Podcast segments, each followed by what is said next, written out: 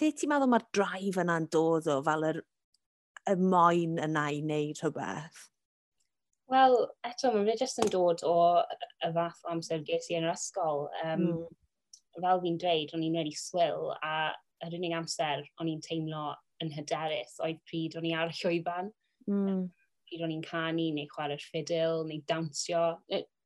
Just pryd bynnag o'n i'n neud pethau yn yr eisteddfod, basically. So, nath, dwi'n meddwl hwnna oedd un o'r pethau nath, nath rhoi drive yna i fi, ond hefyd o'n i'n edrych lan sut gymaint i yr artistiaid o'n i'n gwrando arno, o'n i eisiau bod fel nhw.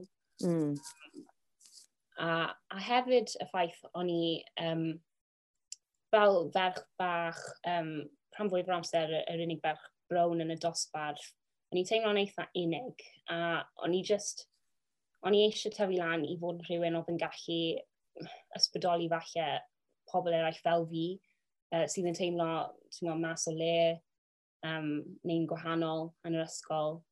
Um, a, fi'n gwybod bod cerddoriaeth yn, kind of, mae fe'n gallu rhoi platform really dda ar gyfer ysbrydoli a, a rhannu fel um, peth fi wedi mynd drwyddo a just uh, bywyd, peth mm. fi wedi mynd mlaen yn bywyd a So, so fi, a fi wedi cael y cyfle i wneud hwnna nawr.